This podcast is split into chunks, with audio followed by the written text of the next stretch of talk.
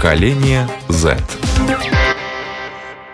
Здравствуйте, с вами Марина Талапина, режиссер программы Даниэль Йоффе, звукооператор программы Марис Лацис. И сегодня мы программа поколения Z, которая рассказывает о молодежи, для молодежи, как думает молодежь, о чем думает молодежь. Сегодня программа поколения Z вот уже как год выходит в мультимедийном эфире. И э, Напомню, мы вещаем на таких платформах, как YouTube, Facebook, Instagram, конечно, наш э, портал lr4.lv. И э, в честь нашей мультимедийной годовщины мы хотим сегодня в программе поговорить о программе поколения Z. И я люблю поколение Z, так я позволила себе назвать сегодняшнюю нашу программу и признаться, конечно же, вам, ребята, э, в любви. И э, надеюсь, ко мне присоединится все старшее поколение. И всех, увы, конечно, мы не смогли пригласить сегодня в студию, не вместились бы, но, тем не менее, э, мы благодарны всем, кто предлагал темы в этой программе, кто работал за кадром в этой программе и кто участвовал в программах, кто еще будет участвовать. Мы вас всех любим. Спасибо вам огромное за это. И сегодня в нашей программе я рада представить участвуют Леонард Теснов. Всем привет. Анна Смыкова. Добрый день. Элизабета Кузика. Здравствуйте. И с нами на онлайн-связи из Праги Михаил Олехов. Всем добрый день. И из Риги Кирилл Гончаров. Всем привет.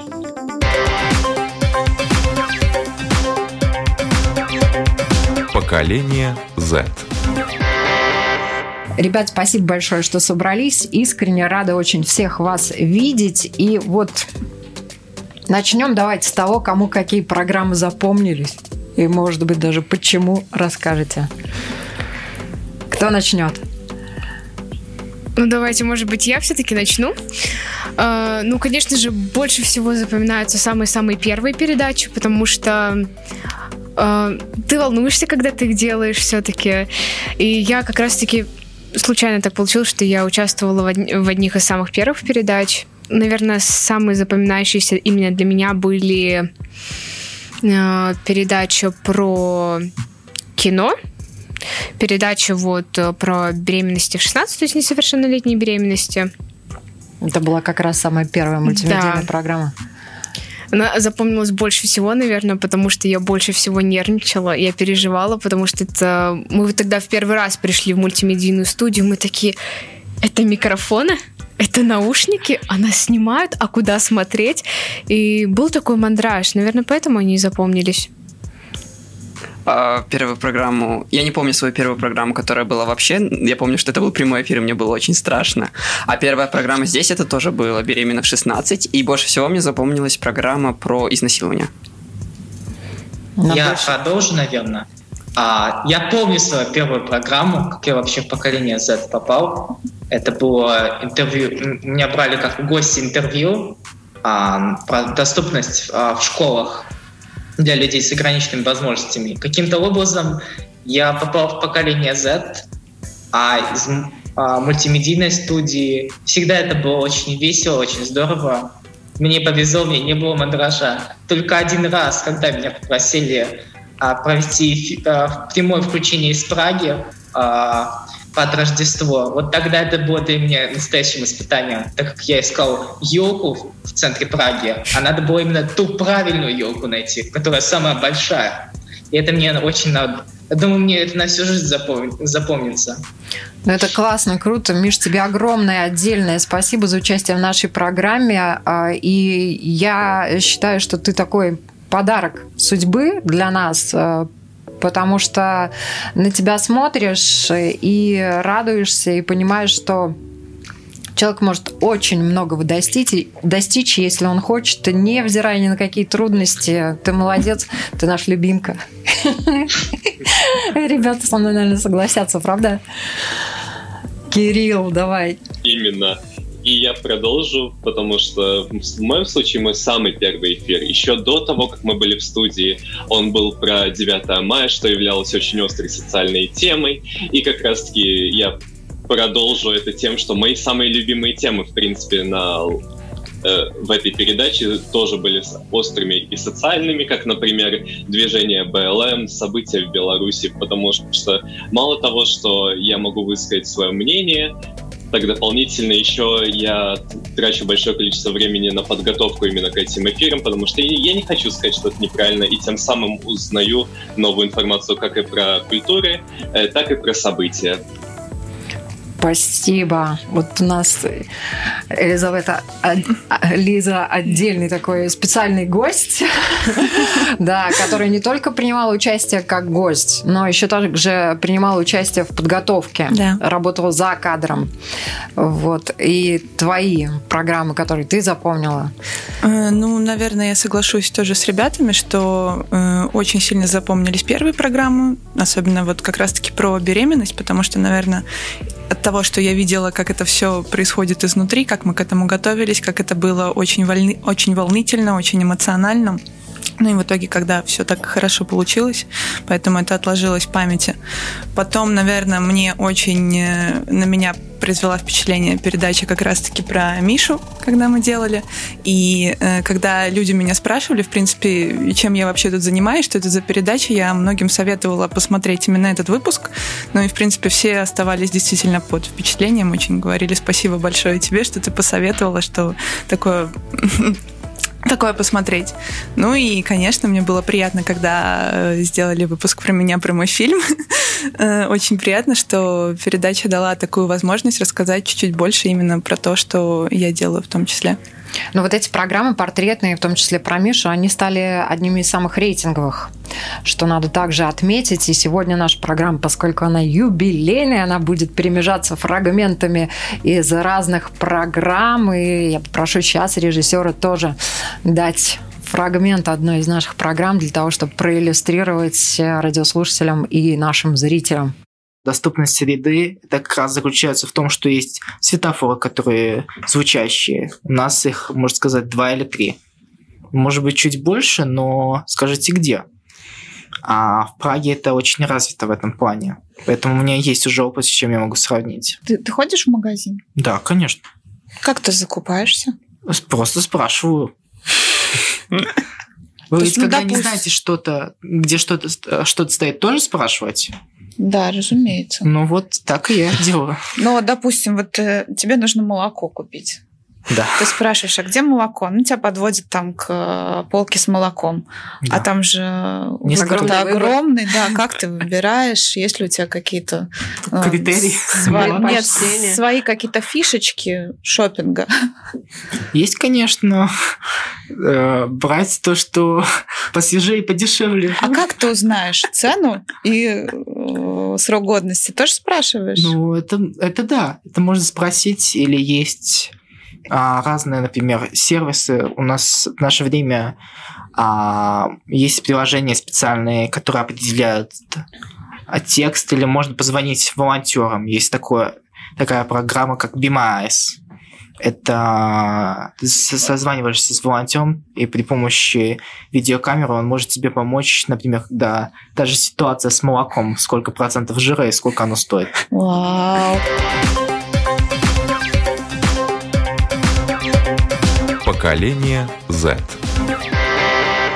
Очень интересно узнать ваше мнение вообще, то, а, что вам говорили ваши знакомые, близкие, о тех программах, в которых вы участвовали, о других, может быть, программах.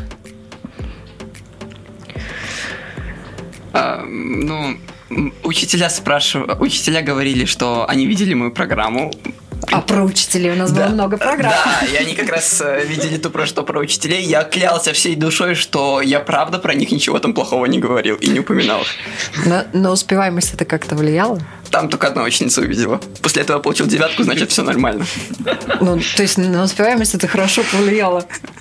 Возможно, вполне даже. Ну, реакции были разные. Это, наверное, зависит от э, передач, которые смотрели, потому что в том числе, вот э, тоже подмечу, передача про Мишу, многие прослезились, действительно, потому что, ну, даже люди, у которых были трудные ситуации в жизни, они поняли, что надо просто продолжать идти вперед и так далее. А про такие довольно-таки провокационные передачи, как у нас были, вот про изнасилование, про беременности, э, все реагировали очень неоднозначно, но тем не менее подмечали информативность.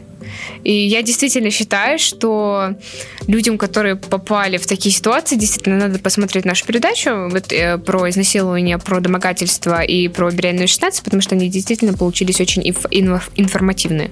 Вот. Ну да, и у нас есть э, вот из этих тем тоже вытекли другие темы, которые мы еще будем в будущем обязательно обсуждать, да, и вы в этом отношении молодцы, конечно. И вот на самом деле сидишь, идут кадры сзади, если, я не знаю, видят ли слушатели, идут кадры из э, всех передач. Это такая ностальгия, что я надеюсь, я не прослежусь. Почему плачь? К концу передачи. Плакать разрешается. Я, наверное, возьму сейчас слово. И спасибо всем э, вам за такие теплые слова. Немного, немного слезно, но вообще поколение Z это, это про связь между, между нами и вами, наши любимые зрители слушатели. И я скажу, да, эмоционально очень много я получил отклика от своих знакомых, друзей, и просто от того осознания, что такая возможность есть участвовать на радио, именно не как просто один раз прийти или увидеть, как куда-то приехали радио, а именно посмотреть, что это изнутри. Это, я так думаю, все со мной согласятся. Удивительное чувство, когда понимаешь, что что, твое, что ты свое мнение можешь высказать, и оно, правда, услышит много людей. Ну и, конечно, я думаю, что те выпуски, о которых уже ребята упоминали, очень информативные, поэтому я думаю, что, может быть, кому-то они как-то и помогут. Что наша главная цель, я так думаю. Кирилл. Лично в моем случае самую яркую реакцию, которую я получил за все время, это был эфир про милитаризацию латвийской молодежи, еще до того, как мы перешли в мультимедийную студию, э, после которого мой на тот момент преподаватель по философии оставил меня после урока, чтобы 20 минут со мной обсуждать мысли, которые я высказал во время того эфира. А это, это случаем был не самый первый эфир? Нет, это, это был второй, по-моему если да, я не ошибаюсь. он был очень ранний. Он был очень ранний. И твой преподаватель, вот что он тебе говорил вообще? Он, наверное, тоже давал какую-то обратную связь по поводу программы? Да. Он сказал в целом, что звучало достаточно по-детски, но я слышу, что ты пытался сказать, и я с тобой согласен. И потом он пытался развить ту самую мысль, которую я тогда сказал. А кроме этого, в принципе, вся обратная реакция на эфире, в которых я участвовал, была очень позитивной, даже если кто-то со мной не был согласен. Поэтому мне очень приятно здесь находиться и говорить то, что я по-настоящему думаю. И, и даже если люди не согласны, они примут просто то мнение, которое для них непривычно может быть.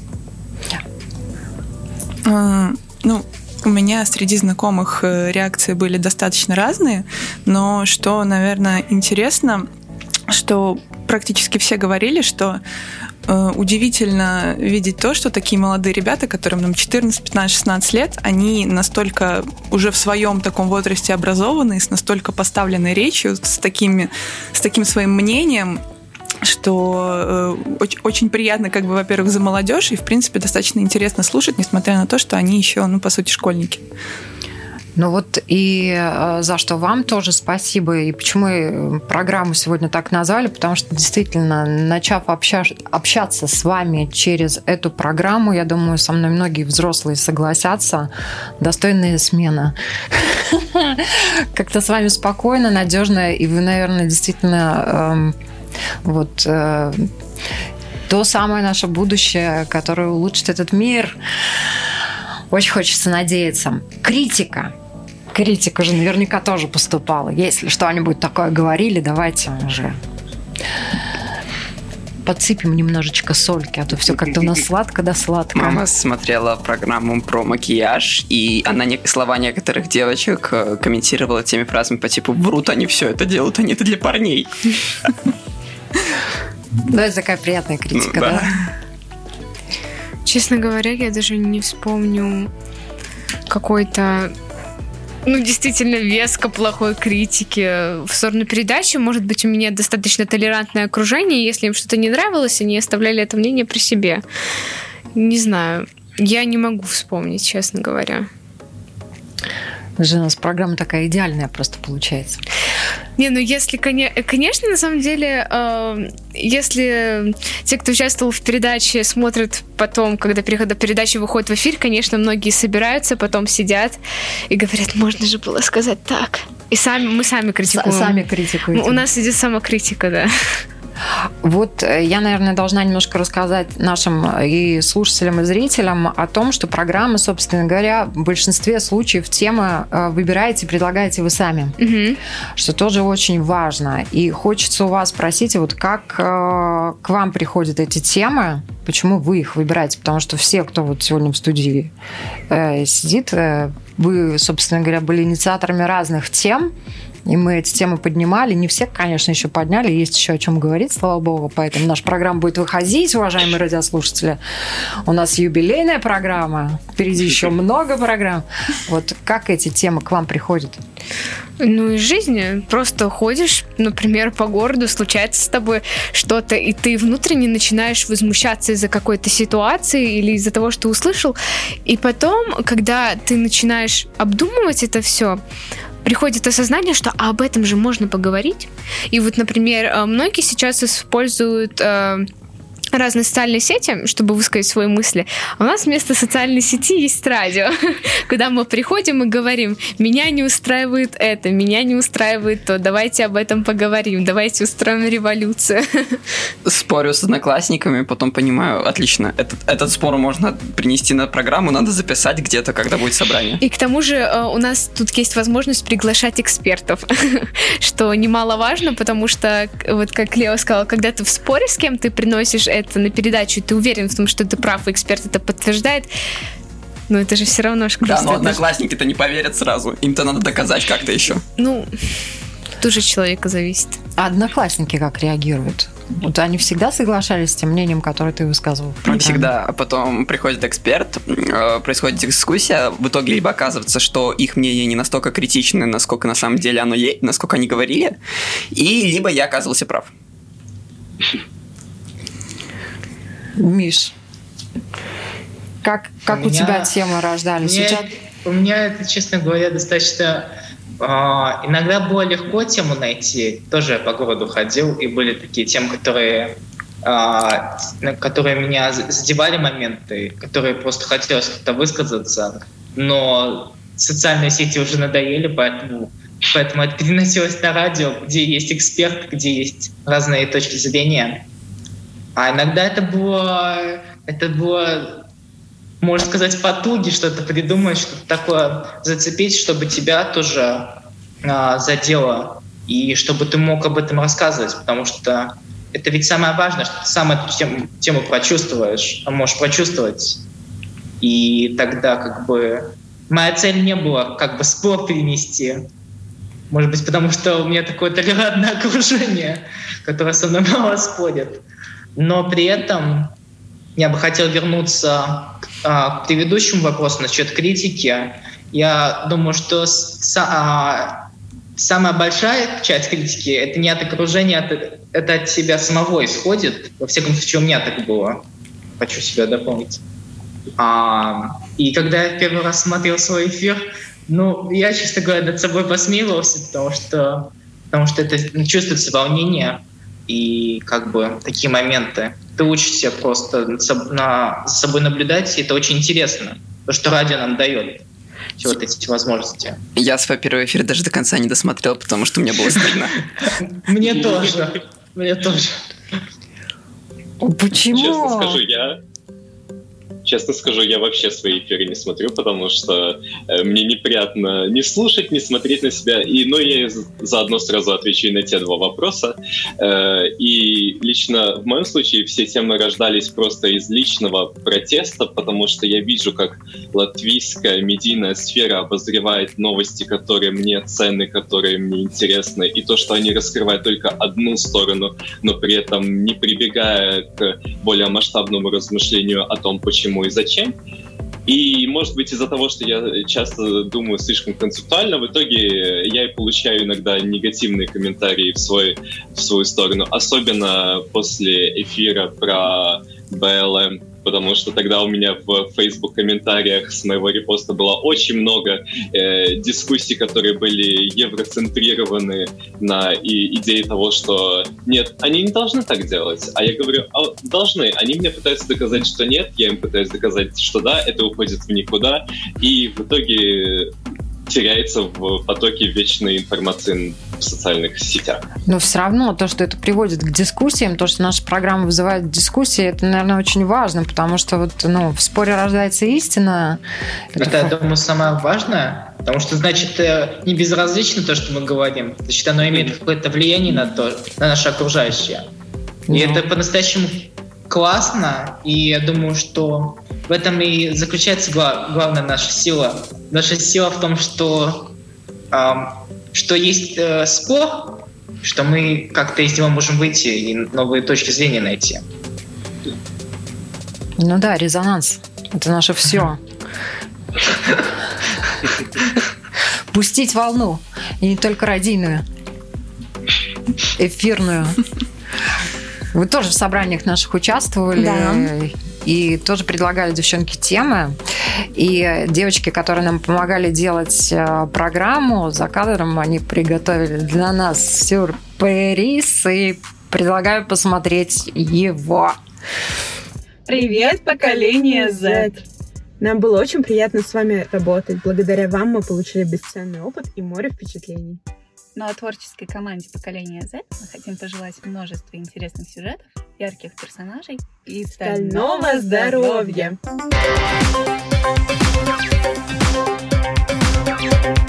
Поколение Z. Ну и так мы продолжаем наш юбилейный выпуск. Первый год мультимедийной э, программы поколения Z, э, которая выходит также конечно, и в формате радио на Латвийском радио 4. Слушайте нас по понедельникам и воскресеньям. В обязательном порядке и взрослые, и дети. Все нас слушайте, потому что, надеюсь, наша программа может быть, она рассказывает о чем-то э, таком, что вы уже знаете, но э, то, что вы можете услышать с мнения ребят молодых, наверное, это достаточно ново, да, несмотря на то, что, казалось бы, вы в социальных сетях можете высказываться как хотите, сколько хотите, в разном формате, и снимать себя на видео, и аудиофайлы выкладываете, и фото выкладываете, подписываете коллажи и так далее. Вот чем для вас отличается наш э, мультимедийный радиоформат от социальных сетей? Ну, в первую очередь, это больше работы. Ну, это серьезно. Э, прийти на радио, подготовить, э, точнее, представить свою идею, свою передачу, это намного больше сил надо затрачивать, ну, умственных, логично, э, чем, например, написать пост в социальную сеть. Я, я буду сейчас считать и бояться, что меня сочтут как... Нет, это не эксплуатация. детей. Это не эксплуатация детского труда, это наше желание.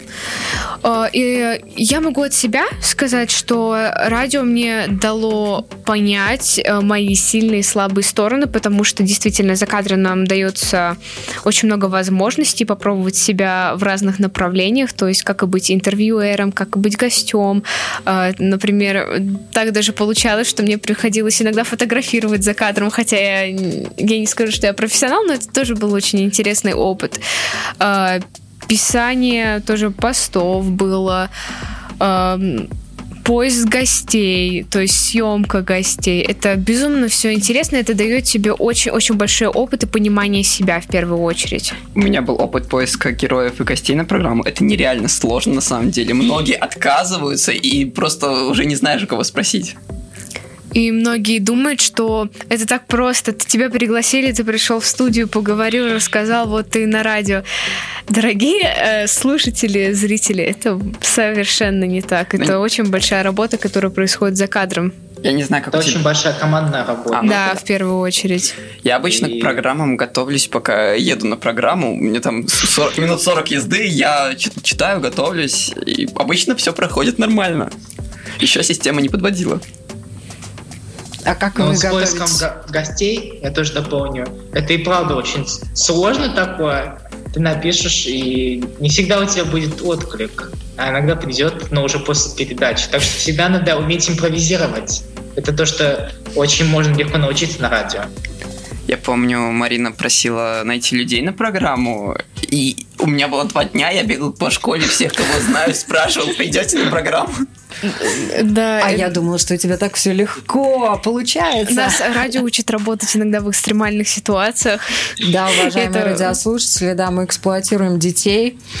Э, Если что, но на самом деле все, все делают добровольно, и мы тоже ищем э, гостей, ищем интересных э, людей и делаем, э, и будем делать о них программы, поэтому если у вас есть герои, вы можете нам смело присылать заявки, мы обязательно рассмотрим, обязательно постараемся сделать программу об интересных ребятах, потому что вот э, программа об интересных ребятах, которые вы сейчас вот сможете увидеть, и о замечательном э, Ренате Кудинове, например, который э, круто играет на бильярде, э, вот, и о других ребятах, спортсменах, и о режиссерах, и о фотографах.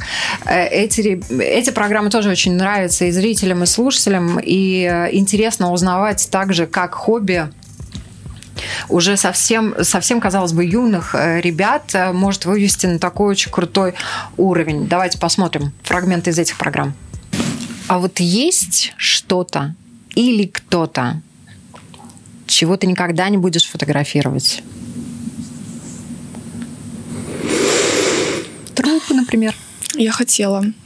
Было задание такое у нас как-то на третьем курсе, по-моему, эм, снять то, что-то невероятное. Я очень хотела попасть в морг и пофотографировать, но оказалось куча проблем, там надо разрешений.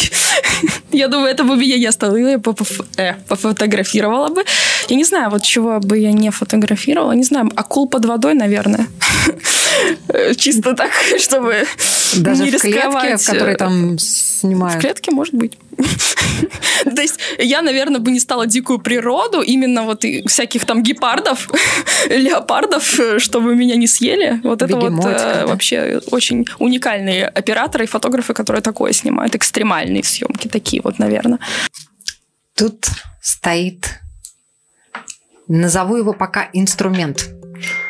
Будьте добры, покажите, что это вы с собой принесли. Да, это мой лучший друг. Э, Это Кей. А, Вот. Им, им, им именно я выиграл вот все, ну, завоевал все вот эти вот награды, которые только что были на а, видео. А, Вот. Этому Кию уже около четырех лет. Я им играю. Вот. Очень доволен. А почему я слышала, что каждый профессионал э, участвует в соревнованиях именно со своим кием? А, почему?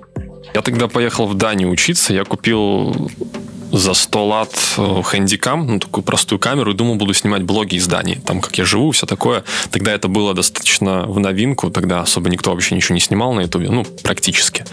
Я приехал, я поснимал, в Дании мне не понравилось, хотя надо было это все оставить, я забил на полгода на канал. Потом я в тринадцатом году начал снимать опять какие-то скетчи, и вот как раз-таки в октябре где-то 2013 года собственно, я и запустил вот тот э, формат э, «Притворяться девушкой в соцсетях», э, и тогда и придумал название канала «Постигает Лен». Оно было уникальным словосочетанием в Гугле, то есть ты пишешь «Постигает Лен», выдает ничего. И я такой, надо взять. Хорошо, что мы их перед этим предупредили, что будет, потому что особенно вот про эту ситуацию с, мыш- с мышами, они сказали, что если бы мы их не предупредили, у них бы камеры просто вот так вот опустились Да. бы. И много раз было. Вот так. То есть нам даже помогало. Я смотрю ну, на ребят. То есть они просто быстро проходили сценарий какой-то. И я вижу, что они улыбаются, им смешно. Значит, это действительно весело. Это то, что нужно, да. Слушайте, девчонки, ну достаточно интенсивно все это выпускаете, там в течение нескольких дней. Первая серия, вторая серия, третья серия. Вот э, сил хватает. Сколько у вас вообще на подготовку уходит времени? Или вы, я не знаю... Не спим. Не Ну да, не спите? спим. Да, не спим. Просто не спим.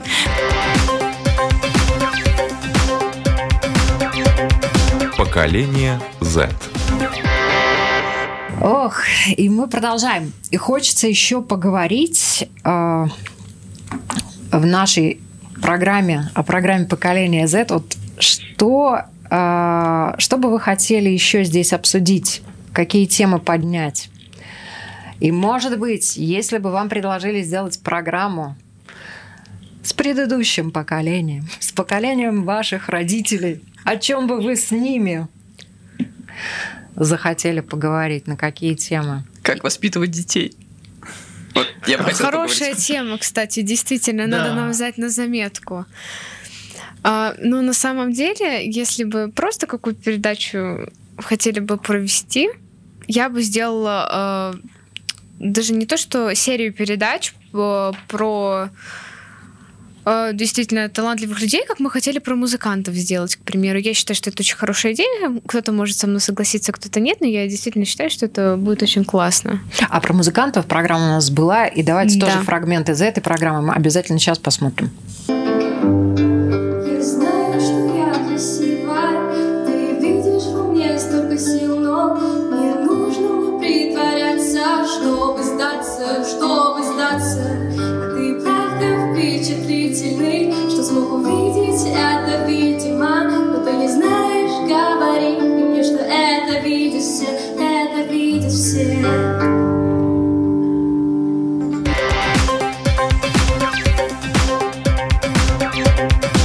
Поколение Z.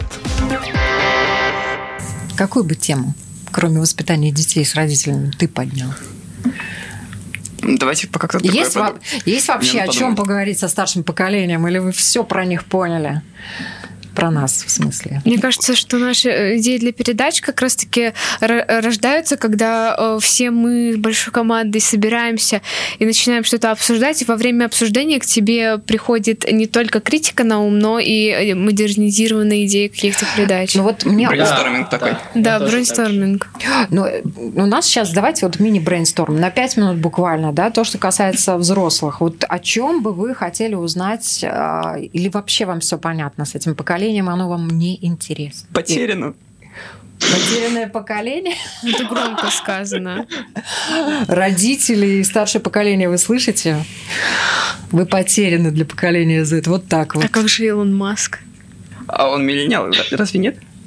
Нет. Нет, он постарше. Илон Маск ему больше будет. Но вам вообще со своими родителями хотелось бы сесть и о чем-нибудь поговорить? Или это все еще у вас, наверное, впереди? Пока вы хотели бы, чтобы они вас просто не трогали? Наверное, все еще, чтобы не трогали. Я не был бы готов о чем-то поговорить с родителями здесь. Ну, а с другими взрослыми? Ну, с другими помню. Помню, нас э, вы хотели пригласить... Я не помню, пригласили или нет, но была девочка, которая готова была про буллинг со, со стороны родителей и на, и на родителей. Мы почти сделали эту программу, немножко в другом виде сделали. Родители ее не пришли, но мы поговорили об этом тоже. Но то, что касается, кстати, вот... Э, э, старшего поколения учителей хотелось бы пригласить в нашу программу? Смотря каких, ну, наверное, да. Хотелось бы. Да. И в, в, только не двое. И чтобы они были примерно с одинаковыми взглядами. А почему не двое? А то у нас... Больше или меньше? Меньше. Не, не, просто получится так, что если у нас будет два учителя с разными взглядами, мы будем сидеть молчать и вот так вот эфир целый смотреть, как они спорят между собой. И чуть ли не драться готовы. Мне кажется, что наоборот так не будет. Разве нет такого, что Смотря радио какие оно дает... у, учителя на самом-то деле. А вы можете перекрестный допрос э, устроить ну во время программы. Все зависит от подготовки. Ну вот как раз таки... Ладно, радио, оно же наоборот дает, мне кажется, такой неписанный закон, дискуссия, когда ты уважаешь друг друга, даешь человеку, типа, договорить, дослушать. Но я на самом деле я считаю, что все равно немножечко присутствует иджизм некий среди э, старшего поколения в отношении э, младшего. Но, кстати, хочу действительно сказать э, для наших слушателей, тех ребят, те ребята, которые были тут, они это знают, тут эти рамки стерты. И вне зависимости от твоего возраста тебя будут воспринимать как себе равного. И твои идеи, и твои мысли, и взгляды на жизнь, они не осуждаются. Да, к нам относятся как к взрослым людям, если нас слушают. А, а вживую к нам относятся как к детям. Я, кстати, вот вспомнила программы, которые мы делали давно. Кирилл, помнишь, у вас был целый проект э, с ребятами из Германии, и мы делали несколько программ, и там принимали участие учителя, и было очень интересно. Но там, конечно, были другие темы, связанные с геноцидом и так далее, но программы были очень интересные, и те учителя, которые к нам приходили, они эм, украсили программу своим присутствием однозначно.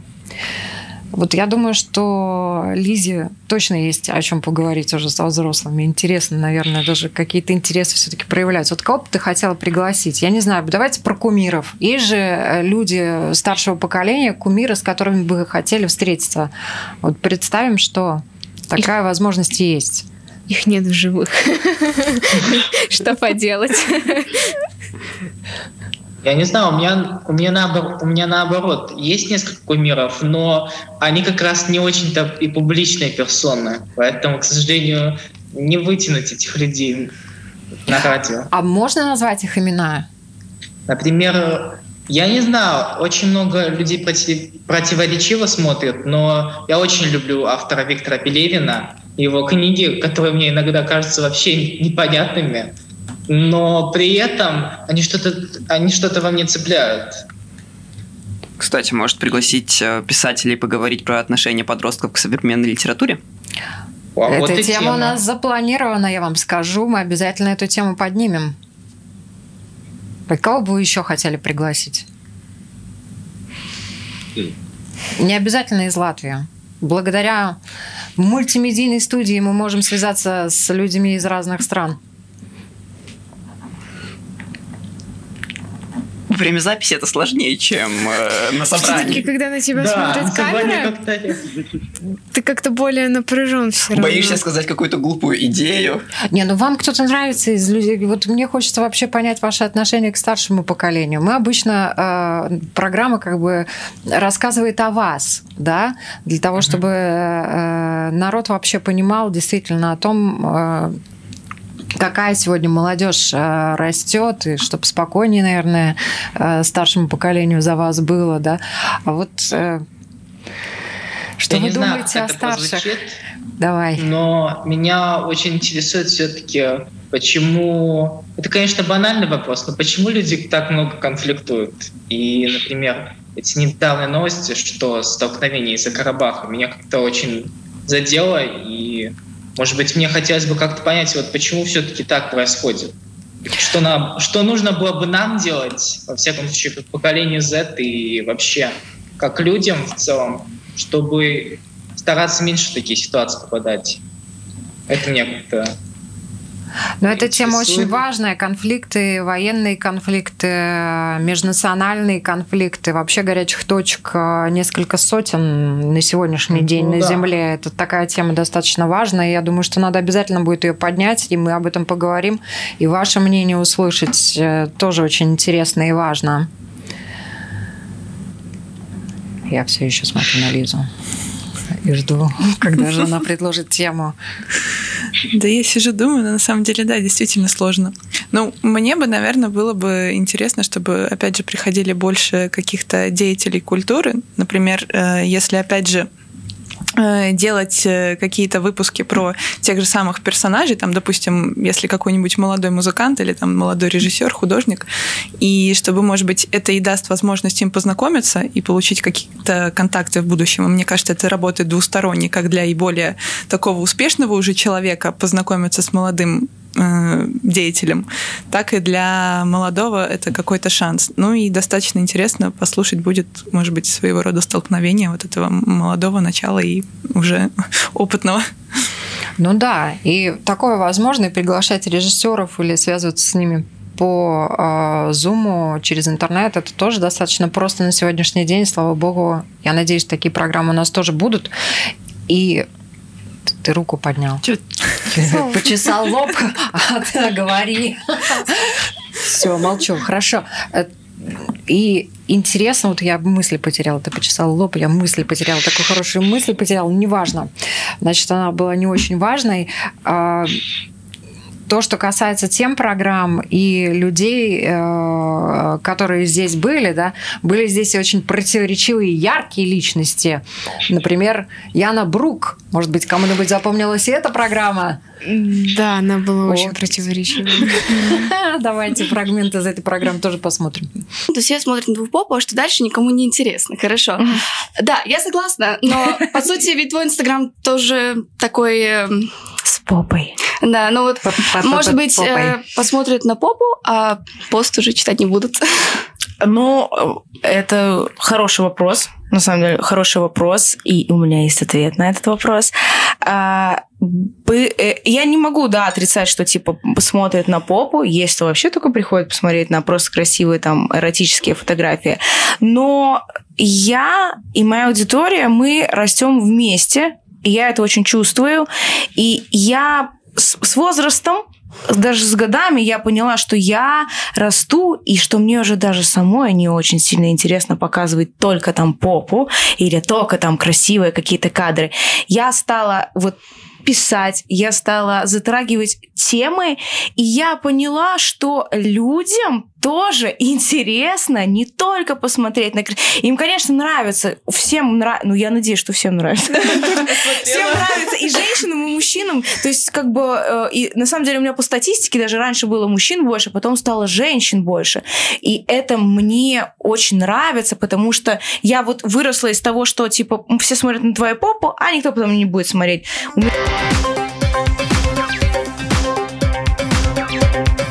Поколение Z. В завершение нашей программы хотелось бы вас спросить вообще, а что вы думаете о будущих поколениях и о чем бы вам хотелось поговорить с вашими детьми? Мы надеемся, что наши дети будут лучше, чем мы, еще лучше, еще толерантнее, еще более открыты к миру, ко всем э, расам. Знаю, я, я скажу сейчас, знаю, э, знаете, как в, класси, в классической э, каком-нибудь фэнтези о будущем, что давайте будем открыты к новым расам и так далее. Ну, я действительно не знаю, я просто надеюсь, что главное, чтобы ребенок был хорошим человеком. Остальное это не важно. А хороший человек, он в любое время будет хорошим человеком. Я тоже присоединюсь про хороших людей. А, я надеюсь, что их будет все больше и больше.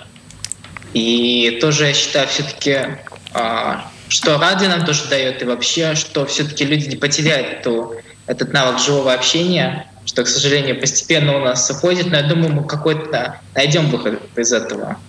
Ну и, конечно, больше хороших людей, и привет новым расам в. Честно, моя главная надежда среди всего — это то, что бы мир в будущем испортился не настолько сильно, и чтобы э, будущие поколения смогли бы насладиться всем тем, что, что мы сейчас переживаем. Потому что, опять же, очень многие вещи, которые в последнее время происходят, они очень опасают меня, как нового студента окружающей среды.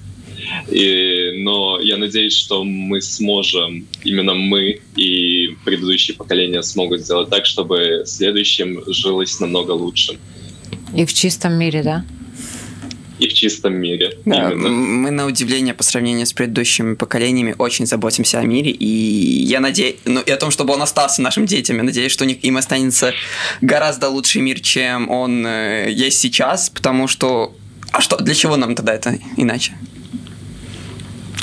Я надеюсь, что будущее поколение, оно будет более, наверное, как-то внутренне свободное, потому что, к сожалению, и на более старших, и на себе, наверное, я это ощущаю, что э, в силу воспитания, в силу, может быть, э, окружающего мира у людей очень многих есть какие-то страхи, какие-то внутренние зажимы, и от этого, я считаю, нужно избавляться. Но глядя уже на ребят здесь и на более молодых, я вижу, что это проходит, и это очень здорово. я надеюсь, что со временем э, поколение будет становиться как-то внутренне более свободным, более таким открытым миру и не будет э, ничего бояться.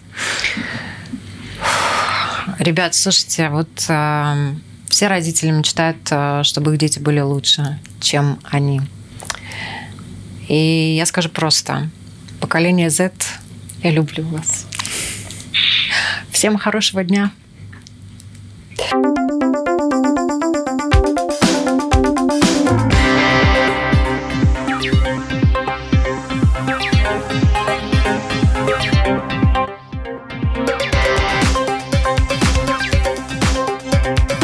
Поколение Z.